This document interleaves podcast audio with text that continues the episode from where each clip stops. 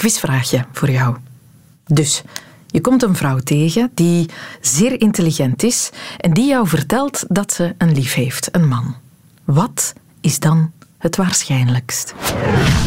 A. Haar vriend is intelligenter dan zij. B. Haar vriend is even intelligent als zij. C. Zij is intelligenter dan hij. Is moeilijk, hè? Want toen moet je dat nu weten. Hoe weet je nu op welk type die vrouw valt? Als ze zelf slim is, dan valt ze misschien op iemand die even slim is, dus misschien antwoord B. Of uh, ze is slim, ze leert graag bij, dus dan gaat ze iemand zoeken die slimmer is, antwoord A. Of mannen houden er wel van om slimmer te zijn. Dus heeft hij dan iemand gekozen die minder slim is? Dat zou ook richting antwoord A wijzen. Het juiste antwoord is C. De kans is groter dat als je uit alle mensen van de wereld kan kiezen en je bent zelf slim, dat je dan iemand kiest die minder slim is, gewoon omdat die groep groter is. Dat is de instinker. De vraag gaat om waarschijnlijkheid, terwijl je al direct begint te redeneren hoe die vrouw zou denken bij partnerkeuze. Onze kop gaat met die vraag aan de haal, zo blijkt. Onze kop is niet zozeer betrouwbaar. Daar wil ik het over hebben. Welkom in de wereld van Sophie. Er is een begrip dat we de laatste maanden erg veel horen vallen. Maar echt, erg veel. Iedereen heeft gezond verstand. Sommigen moet je dat een beetje verder gaan zoeken, maar iedereen heeft gezond verstand. Als men de mensen daarop aanspreekt, nu gewoon zeg, kijk, wat zijn de regels? Afstand houden. Wanneer afstand houden niet gaat, een masker dragen. En ten derde, handhygiëne. Praten over gezond verstand Sorry, maar dat, dat associeer ik een beetje met Jean-Marie de Dekker, met gezond verstand. Iedereen claimt gezond verstand. Iedereen denkt, dat is een valse vorm van consensus denken. Iedereen denkt, ja, maar zo, de manier waarop ik de dingen bekijk, dat is toch wel de juiste, verstandige manier. Maar dat is niet zo. Er zijn mensen die anders denken. De crisis is nu zes maanden bezig en wij zijn nog altijd aan het wachten op extra hulp in de eerste lijn. Is, ze leggen nu de nadruk op het gezonde verstand. Volgens mij ging vandaag de persconferentie ook heel erg van gebruik je gezond verstand. En op zich vind ik dat geen raar signaal. Men wil voorkomen dat lokale besturen dit soort maatregelen nog gaan nemen. Met andere woorden, ook daar moet terug opnieuw hoor je dan gezond verstand komen. Oké, dat lijkt mij uh, gezond verstand, want daar hebben we het al vaak over gehad. Ik denk dat men toch uh, het gezond verstand moet laten zegenvieren. Een klein beetje, een klein beetje gezond verstand is dat te veel gevraagd. En in het zwembad zelf mogen we zwemmen waar we willen. Ja, in principe mag je zwemmen waar je wilt, maar je moet natuurlijk altijd met gezond verstand daarmee omgaan. Dus altijd heel goed nadenken. Ik besluit, laten we ons gezond verstand gebruiken. En zo zijn we klaar voor vandaag. De besmettingscijfers in ons land doen het niet goed. Daar begonnen we mee. Gezond verstand in de reiskoffer steken, dat is waarschijnlijk nog de beste raad.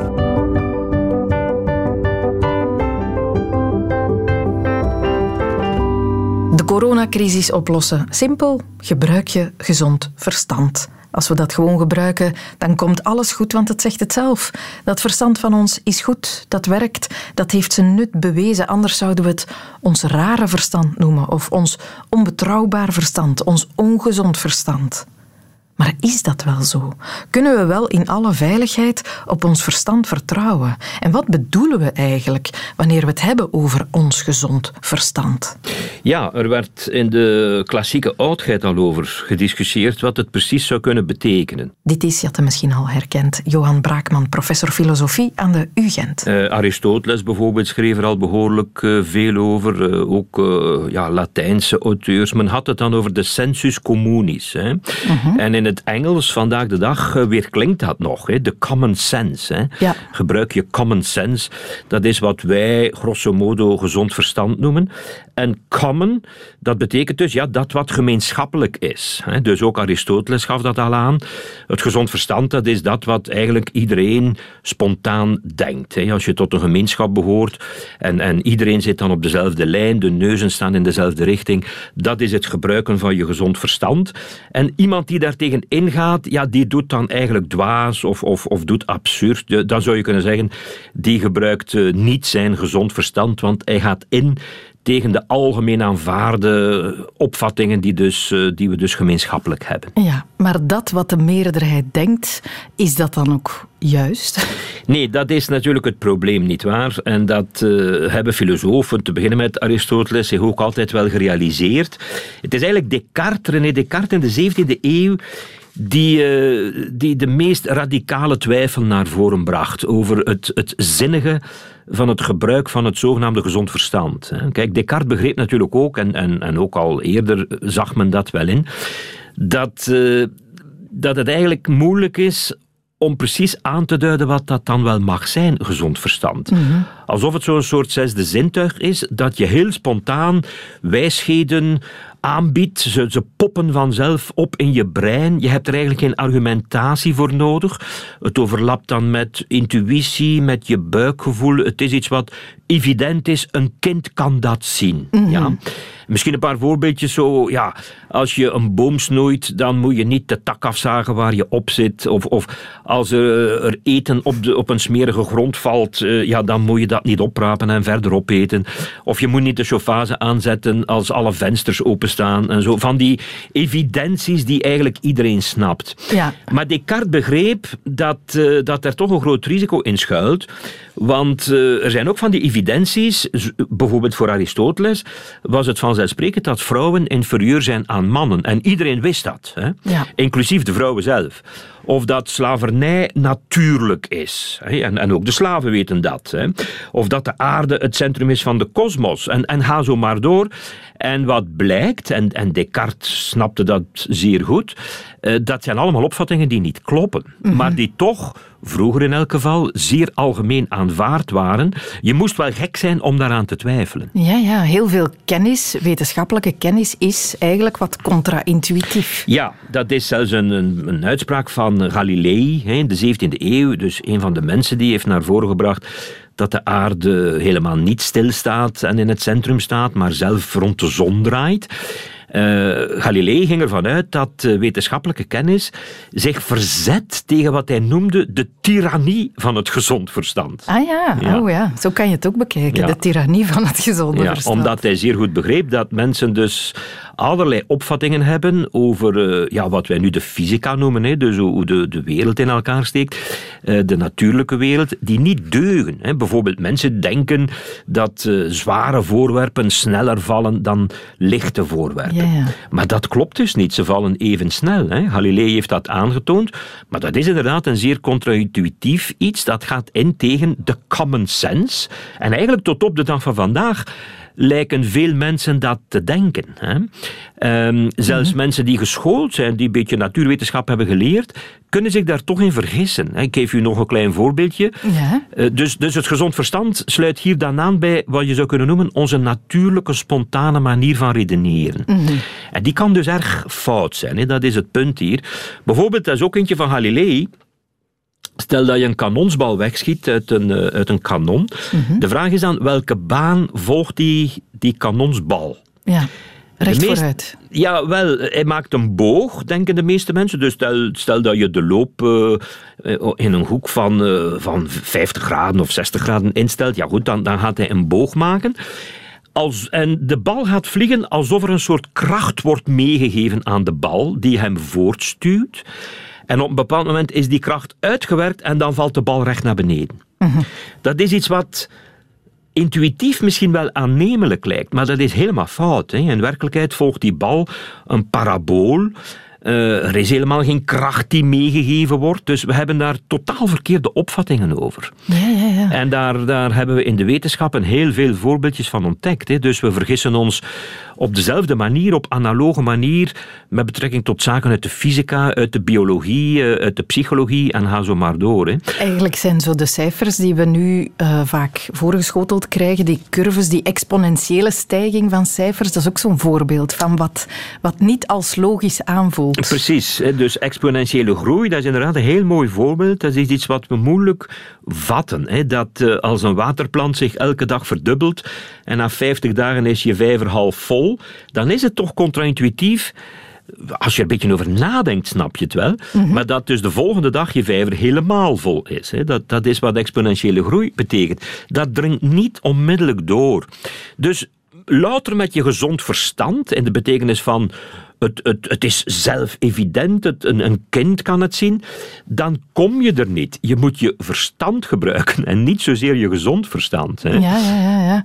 Is het dan eigenlijk wel een goed idee wanneer de overheid massaal beroep begint te doen op ons gezond verstand als we weten dat het niet zo betrouwbaar is? Wel, ik denk, kijk, wat men daar eigenlijk dan mee bedoelt is, iemand gebruikt zijn gezond verstand als hij doet wat ik uh, voorschrijf of beweer. Ja? ja. En dat, dat botst toch wel op weerstand, denk ik, eh, bij veel mensen. Want je merkt gewoon, uh, als er al zoiets is als gezond verstand, dan gebruiken veel mensen het op een verschillende manier. Ja, wel, ja, je stimuleert al die individuele redeneringen daarmee. Ja, want mensen denken dat ze hun gezond verstand gebruiken, ook vaak voor de hekste dingen, nietwaar? Dus uh, ik zou eerder, in plaats van aan mensen te vragen beroep te doen op gezond verstand, zou ik eerder investeren in het uh, ja, in uitleg geven waarom de maatregelen deugen, welke wetenschappelijke kennis daarachter zit, dus waarom het verstandig is om te doen wat men voorschrijft. Hè. En daarbij moet je niet de discussies uit de weg gaan. Experts spreken elkaar ook vaak tegen. Dan moet je dat uitleggen. Kijk, we hebben daar een beslissing genomen om die en die reden, op basis van die en die argumenten. Maar dat is dus niet beroep doen op, ja, op, op een vermogen dat mensen lijken te hebben, maar waarvan we eigenlijk niet goed weten wat het is of hoe het zou werken. Hè. Je, je moet de dingen uitleggen. En al zeker zoiets complex als, als virale besmetting, eh, zo'n pandemie, dat, dat, daar heb je geen spontane, heldere, betrouwbare kennis over. Mhm. Dat is veel te complex. Je kan alleen maar blijven uitleggen en mensen meenemen in de redenering. Precies, precies. Ja, ja. Bestaan er situaties waarin het wel nuttig is om op het gezond verstand te vertrouwen? Maar ja, als het over hele simpele dingen uh, zou gaan, zal ik maar zeggen. Hè. Maar, maar verder heb ik daar toch mijn grootste twijfels over dat uh, spontane, intuïtieve redeneringen betrouwbaar zouden zijn. Zelfs mhm. over hele simpele dingen. Kijk, opnieuw een voorbeeldje uit de fysica. Als je aan mensen vraagt, uh, als je een pijltje wegblaast in zo'n pijp, hè, en je maakt zo'n papieren pijltje, je blaast het weg, dat uh, pijltje, als je buis krom is mm-hmm. en het pijltje komt uit de buis, welke baan zal dat pijltje dan volgen? Dan blijkt dat veel mensen denken dat dat pijltje dan een kromme baan zal volgen, omdat het uit een kromme buis komt. Ja. Dat is heel simpel zoiets, maar dat is hopeloos fout. Hè? Mhm. En al snel wordt het natuurlijk veel ingewikkelder. Hè? Bijvoorbeeld. Uh, als je aan mensen vraagt, uh, kijk, er zijn twee kogels die tegelijkertijd een geweer verlaten. De ene kogel schiet je recht voor je uit en de andere kogel valt gewoon recht naar beneden, maar ze komen altijd weer uit hetzelfde pistool of geweer. Welke kogel raakt het eerst de grond? Ik zou hier nu een, een pauze van 10 seconden moeten inlassen. Ja, maar het, het ik komt, durf niet antwoorden. Ja, het komt er dus op neer. Mensen denken dat de kogel die recht naar beneden valt, eerst de grond raakt, want de kogel die je wegschiet, ja, die, die lijkt veel langer onderweg te zijn. Mhm. In werkelijkheid raken ze de grond op, uh, op hetzelfde moment. Hè. Dat zijn eigenlijk ja, wetenschappelijk gezien vrij simpele dingen, maar mensen, de meeste mensen gaan daar al, al hopeloos uh, de mist in. Zie je? Mhm. En als het over het inschatten gaat van waarschijnlijkheid bijvoorbeeld, Um, ja, dan, dan wordt het nog veel moeilijker. Dus met wat mensen soms plegen te noemen het, het gezond verstand of het boerenverstand, dan kom je er niet bij dat soort zaken. Nee. En zelfs de allersimpelste dingen uh, kun je misschien betwisten. Ik gaf het voorbeeld van, ja, als je je boterham smeert en hij valt op de grond, eet hem dan niet op. Hè. Dat, dat lijkt enorm evident te zijn. Je gaat dat toch niet betwisten. Maar misschien is het eigenlijk net nuttig om dat net wel te doen, want zo kan je je immuniteitssysteem Ja, verder ja. ontwikkelen. Dus zie je, zelfs de simpelste dingen, daar kun je toch uh, vraagtekens bij plaatsen. Ja, ja, ja. U, u had het daarnet over een soort, uh, als omschrijving van dat gezond verstand, een soort, ja, wat intuïtief naar voren komt. Valt buikgevoel dan ook een beetje onder gezond verstand? Ja, ik denk dat dat sterk overlapt. Hè. Maar ja, we hebben niet een, een, een echte goede definitie van gezond verstand of van intuïtie of van buikgevoel. Het, het, buikgevoel van mensen, ze interpreteren het zelf vaak alsof het over gezond verstand gaat. Maar ook hier, uh, mensen hebben verschillende buikgevoelens Mhm. bij één en hetzelfde fenomeen. Kijk, als je in uh, sommige landen, of, of in het verleden ook in ons land, aan een meerderheid van mensen, dus de common sense hier, de meerderheid van mensen vraagt hoe sta je tegenover homoseksualiteit bijvoorbeeld, dan zei veel mensen hun buikgevoel dat ze dat totaal radicaal moesten afzweren, afkeuren, dat dat zondig was enzovoort. In meerdere landen staat er zelfs nog de doodstraf op. En mensen hebben daar eigenlijk geen argumentatie voor nodig. Ze weten dat zo. Hun buikgevoel, hun intuïtie zegt dat. En iedereen denkt zo. En die landen waar nu daar nog de doodstraf op staat, vaak een meerderheid denkt, ja, natuurlijk, dat is evident, daar moet de doodstraf op staan. Dat is iets verschrikkelijks. Terwijl ik denk dat wij, toch veel mensen in, in, in België en, en andere Europese, West-Europese landen ondertussen snappen, ja, eigenlijk, bon, er is daar niks mis mee. Het is nogal absurd om daar uh, een gevangenisstraf of de doodstraf op te plaatsen. Dus uh, onze buikgevoelens kunnen nogal ernstig fout zijn. Ja, ja. En zij kunnen in de tijd ook variëren.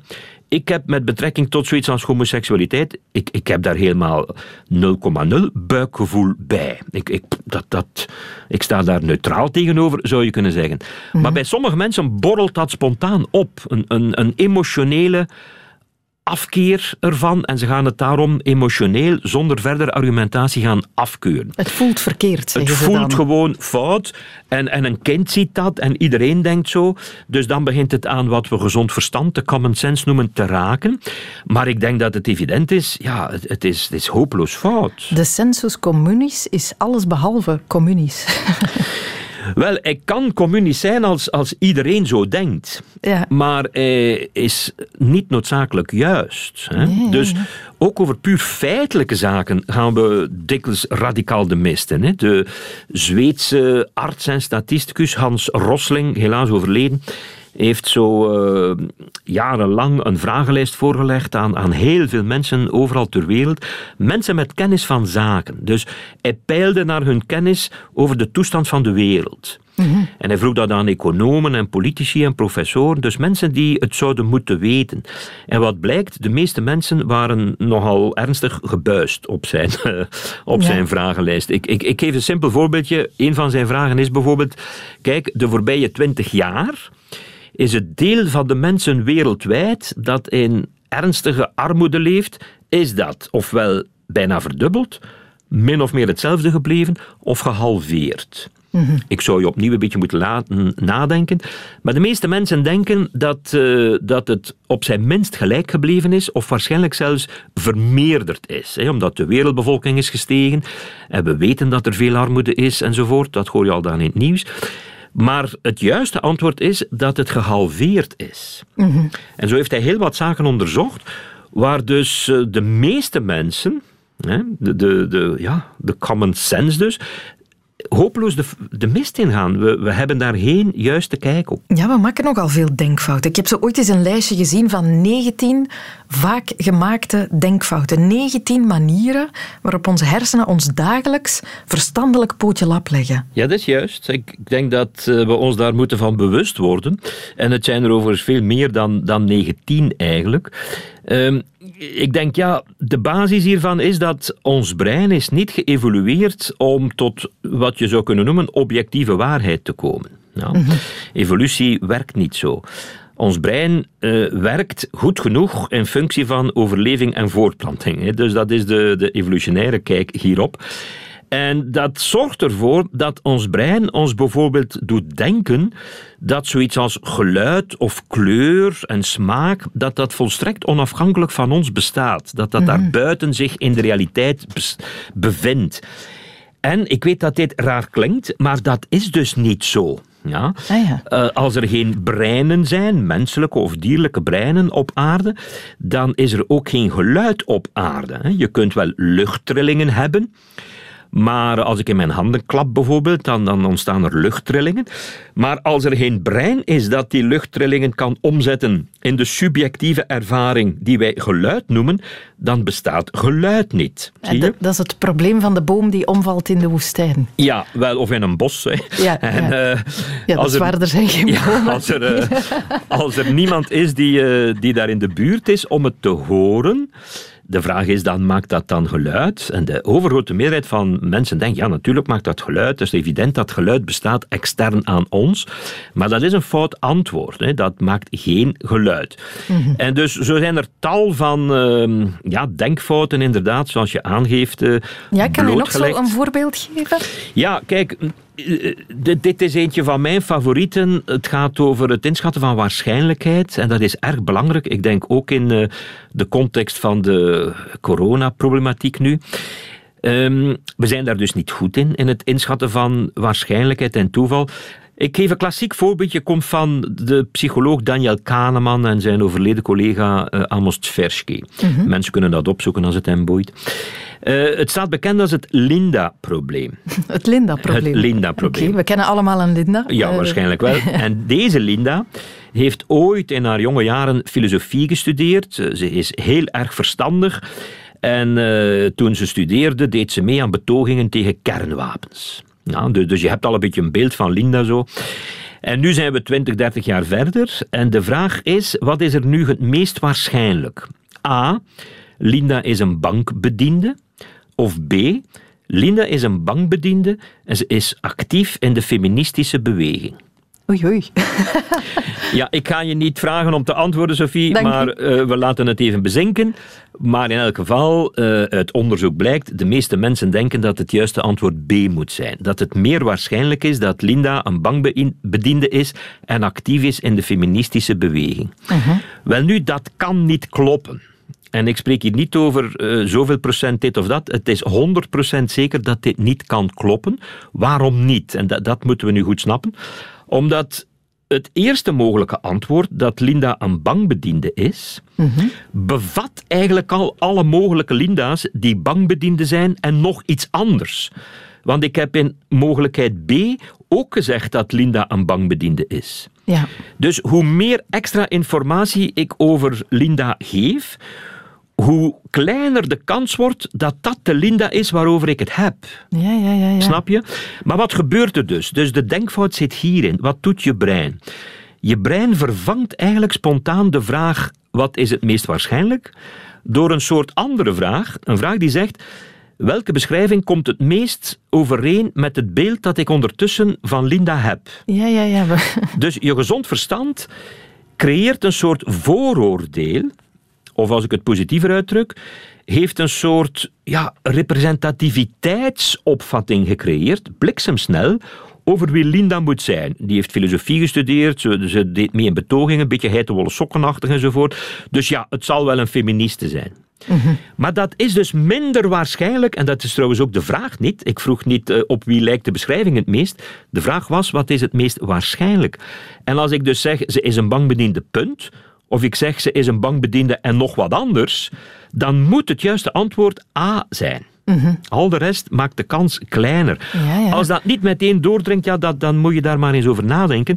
Maar dat is erg belangrijk, omdat je bijvoorbeeld op dezelfde manier merkt dat artsen fouten kunnen maken met betrekking tot het inschatten van het gevaar van een, een, een klacht. Hè. Iemand die jong is en sportief is en niet rookt en, en toch bij de dokter komt met hartklachten dan kan de dokter denken, ja, deze man is eigenlijk representatief, dus een soort vooroordeel, voor mensen die zeker geen hartaanval zullen krijgen. En de dag nadien krijgt die persoon toch een hartaanval. Zie je? Ja, ja, ja, ja. Dat, dat doet zich soms voor. En mocht die dokter de reflex hebben gehad om te denken, ja, mijn representativiteitsoordeel zegt mij, deze man eh, is kerngezond, die klacht gaat wel, gaat wel weer snel over, dan had hij hem misschien doorgestuurd eh, voor verder onderzoek enzovoort. Zie je? Ja, Dus dit is echt wel relevant, ook voor het dagelijkse, concrete leven. Ja, Eh, een bewijs, alweer een bewijs, dat er weinig gezond is aan ons verstand. Zou eigenlijk van gezond verstand getuigen, mochten we dat allemaal wat meer beseffen. Paradoxaal genoeg wel, ja. Maar ik moet er misschien nog één ding aan toevoegen. ja. Heel die kwestie is natuurlijk ook zeer relevant voor discussies eh, gekoppeld aan de coronakwestie. Moet je de experts volgen of kan je beroep doen op wat de meerderheid van de mensen lijkt te denken? En daar zit een spanning natuurlijk tussen ja, expertocratie en democratie. Niet waar? De demos, het volk. Dus moet je hier de massa volgen als het ware? Of moet je toch beroep doen op de experts en dat wat de bevolking misschien wil, de meerderheid, de common sense, negeren? Eh, dat is een hele lastige natuurlijk. Hè. Ik moet eh, nog het volgende zeggen. Soms kan het natuurlijk waar zijn dat er wat je kunt noemen wijsheid in de massa schuilt. Dat is goed nieuws misschien voor de democratie.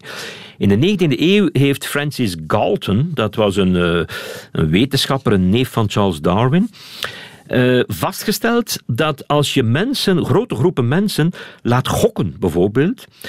Eh, en zijn concrete voorbeeld was het gewicht van een os of een stier. eh, bij een loterij tijdens de kermis of zo, een, een volkskermis in het dorp waar hij woonde. Hij stelde vast dat als je al die gokjes optelt en dan deelt door het aantal mensen dat gegokt heeft, dan kom je verrassend eh, tot een verrassend correct antwoord. Ah, ja. Voor het gewicht van een stier bijvoorbeeld. Dus kijk, ik heb geen balverstand van hoeveel een stier weegt, dus ik doe maar een gok. En ik zal er misschien 100 kilo of 200 kilo naast zitten. Maar als duizend mensen dat doen, ook al hebben ze er geen verstand van, zoals ik, dan stijgt de kans zeer groot dat het gemiddelde daarvan correcter is dan de gok van een expert. Toch een zekere wijsheid in de massa. In de dan. massa zit wijsheid, maar eh, het is dus niet, niet op de manier dat je de common sense zou interpreteren, klassiek zal ik zeggen. Dus het is iets ingewikkelder dan dat, maar het is in feite wel goed nieuws voor de wijsheid van de demos of de democratie. Dat dan weer wel. common sense. Why don't you have a little common sense?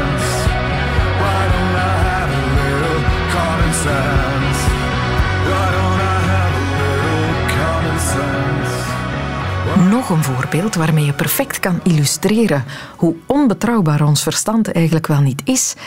Dat is het drie-deuren-probleem. U misschien onbekend qua titel, maar u zal er mogelijk in quizzen of spelletjes al wel eens mee te maken hebben gekregen. Als u een bridger bent, bijvoorbeeld. Ik weet niet of er nog bridgers zijn anno 2020. Lotto de Kaluwe doet het drie-deuren-probleem voor u uit de doeken. Het drie-deuren-probleem is een van de meest beroemde problemen uit de wiskunde. Het werd vooral bekend in de jaren 60 als het Monty Hall-probleem. En dat had alles te maken met dit tv-programma. These people, dressed as they are, come from all over the United States to make deals here in the marketplace of America.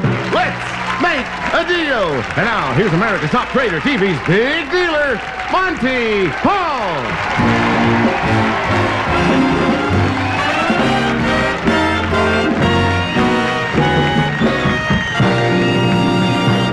Let's Make a Deal met presentator Monty Hall was een immense hit op de Amerikaanse tv.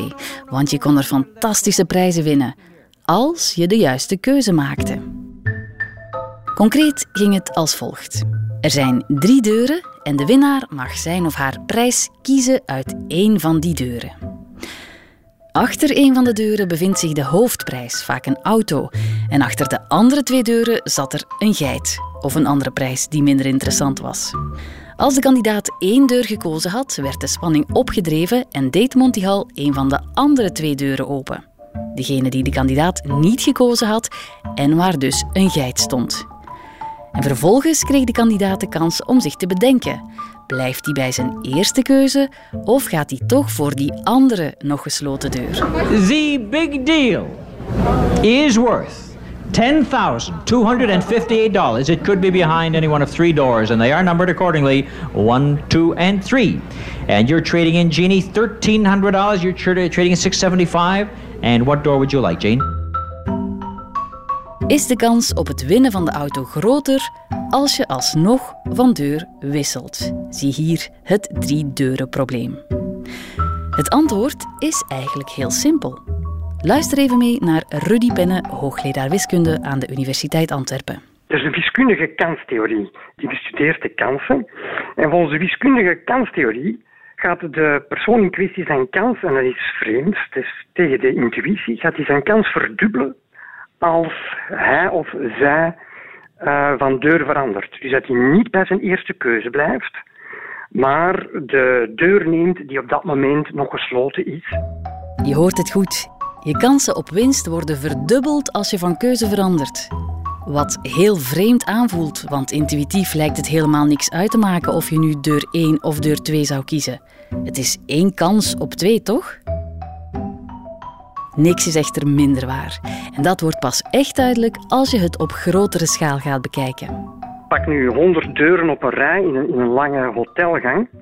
En stel dat achter een van die 100 deuren de hoofdprijs zit. En achter al die 99 andere deuren een gat. Dan is de kans al heel klein als je lukraak een deur kiest dat je de hoofdprijs hebt. Dus de kans is heel groot dat je je vergiest. Stel dat de quizmaster dan zegt, ja, je moet de deur nog niet open doen. En als hij van de 99 andere deuren er 98 open doet en daar de geit laat zien, dan weet je, ofwel was ik juist de eerste keer, ofwel was ik verkeerd, maar dan ligt de hoofdprijs nu achter die ene gesloten deur. Want de andere deuren zijn al prijsgegeven. Hier zie je duidelijk dat veranderen van mening overeenkomt met uw kans vergroten. Want het komt overeen met de mogelijkheid dat je u de eerste keer vergist hebt. Als er 100 deuren zijn, dan zie je duidelijk, er zijn 99 mogelijkheden buiten mijn keuze, dus de kans is veel groter dat ik mij vergis. Bij Monty Hall net hetzelfde, alleen was daar de kans dubbel zo groot dat je je vergiste. Natuurlijk, het blijft een kansberekening. En dus heb je wel meer kans om te winnen als je van keuze verandert, maar het is nog altijd geen garantie. Een flinke portie geluk heb je altijd nodig. Maar hoe komt het dan dat ons gezond verstand ons iets anders aangeeft? Dat het niks uitmaakt welke deur je kiest, dat je kans 50-50 is. Omdat de mensen intuïtief denken, waarom zou ik van gedachten veranderen? Want ik heb nu 50% kans dat ik juist heb en 50% kans dat ik verkeerd ben. Maar de paradox is dat je eigenlijk, ook al heb je nog maar twee deuren, dat je je kans verdubbelt als je toch van deur verandert. Omdat de kans dat je auto achter die één deur zit die je gekozen hebt, 1 op 3 is. En de kans dat je auto achter je tweede deur zit, is 2 op 3. En dat is wat mensen intuïtief op het eerste zicht niet begrijpen. Ze zeggen, ja, dat is twee deuren, dat is dan toch 50-50. Nee, dat is niet helemaal waar, want die twee deuren hebben niet heel evenveel waarschijnlijkheid. Niet alleen de mogelijkheid, maar ook de waarschijnlijkheid van de verschillende scenario's in acht nemen. Nu, je kan je voorstellen dat de gemiddelde quizkandidaat van Monty Hall geen kaas had gegeten van dat soort hogere wiskunde. Zie hoe de gladiatoren de arena van het spannendste spel van Nederland betreden. De trap. In Nederland werd het daarna het Willem Ruis-probleem, omdat ook hij in zijn show gebruik maakte van diezelfde paradox. En ook Martin Gardner, die wiskunde populariseerde, maakte een variant met drie gevangenen en één cipier. Om maar te zeggen, het driedeurenprobleem is ondertussen zo'n klassieker dat het te vinden is in elk secundair onderwijsboek over kanstheorie. En toch blijft het telkens voor discussie zorgen, net omdat het zo contra-intuïtief is. Omdat het ons confronteert met ons gezond verstand en omdat het ons leert dat we dat vooral niet zomaar altijd mogen volgen. Niet te vertrouwen, dat hoofd van ons. Hoe zit het dan met het hoofd van de boeren? Want gezond verstand noemen we ook wel eens ons boerenverstand. Of soms zelfs ons gezond boerenverstand. Is dat dan wel te vertrouwen? Wart Bogaert ging checken in de Zwalmbeekhoeve, de varkensboerderij van boerin Mieke Vernist in Munkswalm. We zouden misschien eerst misschien naar ons schoevenwinkeltje gaan. Welkom in onze herrezen kraamstal. Het ziet er inderdaad uit als een oude... Is het een varkenstal? Ja, ja, ja, dit is hier een, eh, een oude kraamstal, ondertussen 40 jaar oud. En hier zie je nog de bestaande muurtjes waar ze vroeger in stro met hun bijtjes samen lagen te slapen. En hier staan nu allemaal tafeltjes waar de mensen een keer kunnen een, een streek biertje komen drinken of, een, of een, eh, met een lekker tapasplankje. Met van die typische eh, geblokte tafelkleedjes, zo, hè? rood-wit geblokte tafelkleedjes. Ja. Ja, zo mooi authentiek. Oh, en we zien de oude bewoners hier nog zitten. Hè? Je kan hier door een venster kijken en daar is dan een echte stal. Ja, dat zijn mijn dames hier van eh, om en bij de 250 kilo. Zal ik hier... Hallo dames, jullie krijgen bezoek. Was dat nu, Mieke, een daad van gezond boerenverstand om de varkens hier buiten te smijten en ze hier naast te zetten en hier tafeltjes te plaatsen? Ja, ik vind dat eigenlijk wel. Hola, ja, daar schieten ze wakker. Ik vond dat wij vroeger als varkensouder een beetje te veel in een hoekje geduwd werden. En ik dacht, eh, drie jaar geleden zijn wij hier begonnen met een hoevenwinkeltje. En ik vind als je de mensen een keer je varken kunt tonen en je boerderij, dan krijg je van de mensen terug veel meer respect. En dat doet mij wat deugd, ja. Kom maar mee, zeg. Het is hier wel een beetje een doolhof, hè, Wart? Ja, ja, mooi. Maar wij weten hier wel al hoe de weg ze. Met al dat boerenverstand natuurlijk. eh, Ja. Ja, de boeren moeten toch wel eh, een gezond boerenverstand gebruiken. Zeker de laatste jaren gaat het niet zo gemakkelijk in de boerenstiel. Eh, ook wij zijn 15 jaar gestart met, eh, met deze varkenshouderij. En moesten we al vlug op zoek gaan naar duurzame oplossingen. Omdat het eh, heel slecht ging. Oei, oei. Zoals ons eigen voeder terugmaken voor onze dieren. Dus wij maken onze eigen mais, onze wintervaaldbonen, tarwe, gerst. Wij halen ook geen soja vanuit Brazilië. Wij proberen hier die lokale eiwitbronnen te kweken. Dus ja, dat heeft toch allemaal wel te maken met gezond boerenverstand, denk ik. Dat is hier eh, de nieuwe loods die we gebouwd hebben, drie jaar terug. Hier ligt een mestput onder, waar we de mest eh, Hans de winter houden. Plus, daar ligt er een regenput die we, die we gebruiken als eh, het regenwater die we opvangen voor de stallen te reinigen. En in de zomer kunnen we die gebruiken om de daken te verkoelen voor eh, de hete zomers waar we de laatste eh, jaren al mee te maken gehad hebben. En op die manier proberen wij zo'n beetje de kringloop op ons bedrijf te sluiten. En dat is voor ons wel gezond boerenverstand om te kunnen overleven op een familiaal boerderij. Ben ik ook eh, gestart met een eigen ras te kweken. Om het eigen te- ras? Ja, ja ik, eh, ik heb een eigen kruising ontwikkeld om een nog smakelijker koteletje op uw bord te, te kunnen krijgen. Het Vlaams Ardennenvarken. Het Vlaams, Arde- dat heb jij bedacht. Ja, met al mijn gezond boerenverstand. Ja, dat is een, eh, Hoe, hoe bedenk je zoiets? Een keer geprobeerd, een experiment met een, met een kruising. En dat is wel aardig gelukt. Ik zal de papa een keer tonen. De Jérôme. papa. Ja. Hoe heet die? Jérôme. Jérôme. De stamvader van het nieuwe varkensras. Hoe heet het, het ras weer? Het Vlaams Ardennenvarken. Kom Jérôme, kom die een keer voorstellen. Er is hier bezoek voor u. Jérôme is eh, een, eh, een Britse durok. En eh, die is eigenlijk geselecteerd op, op sterke beenderen en dieper geworteld gaar zodat hij kan buitenlopen. Die wordt eigenlijk gekweekt voor biovarken in Groot-Brittannië. Ja, en mijn Vlaams Ardennenvarken loopt regelmatig buiten, zit ook op stro. Daarmee moet het een sterk ras zijn. En ondertussen zijn ze een beetje ruzie aan het maken om, om te drinken. Kijk, als je goed luistert, is die mama haar bijgetjes aan het roepen om te gaan drinken. En die moeten dan allemaal tegelijkertijd drinken. Omdat na twee dagen heeft ieder biggetje dezelfde tepel. En die wijkt daar niet meer van af. Het lijkt wel gezond boerenverstand. Ja, inderdaad. Dus eh, de mama zeug, eh, die laat om het uur 10 seconden de melk schieten. En dan is het het moment. ja. Kijk, is een keer naar, eh, naar de zeug aan het roepen die daar bronstig is. Jérôme is een beetje het hof aan het maken Ja. bij een jonge zeug. Hé hey, Jérôme, Hij heeft zin om nog wat Vlaams-Ardense varkens Ja, ja, te produceren. die heeft er zin in. ja.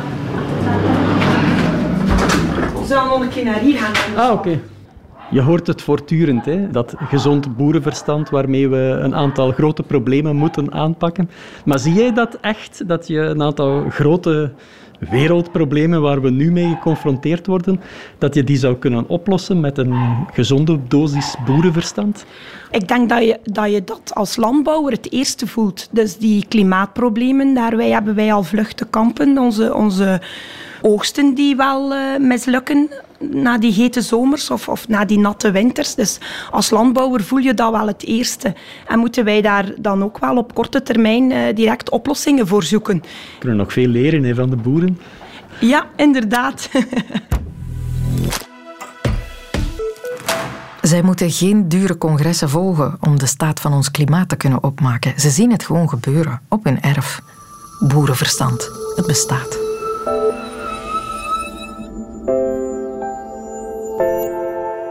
Dit was de wereld van Sophie over ons gezond verstand. Blij dat je luisterde. Abonneer gerust als je graag meer van ons hoort. Of luister natuurlijk naar de radio. We zijn er ook elke dag tussen 10 uur en 12 uur op Radio 1. Tot gauw. Dit was een podcast van Radio 1. Ontdek nog meer podcasts van Radio 1 in onze app en op radio1.be. Radio 1. Altijd benieuwd.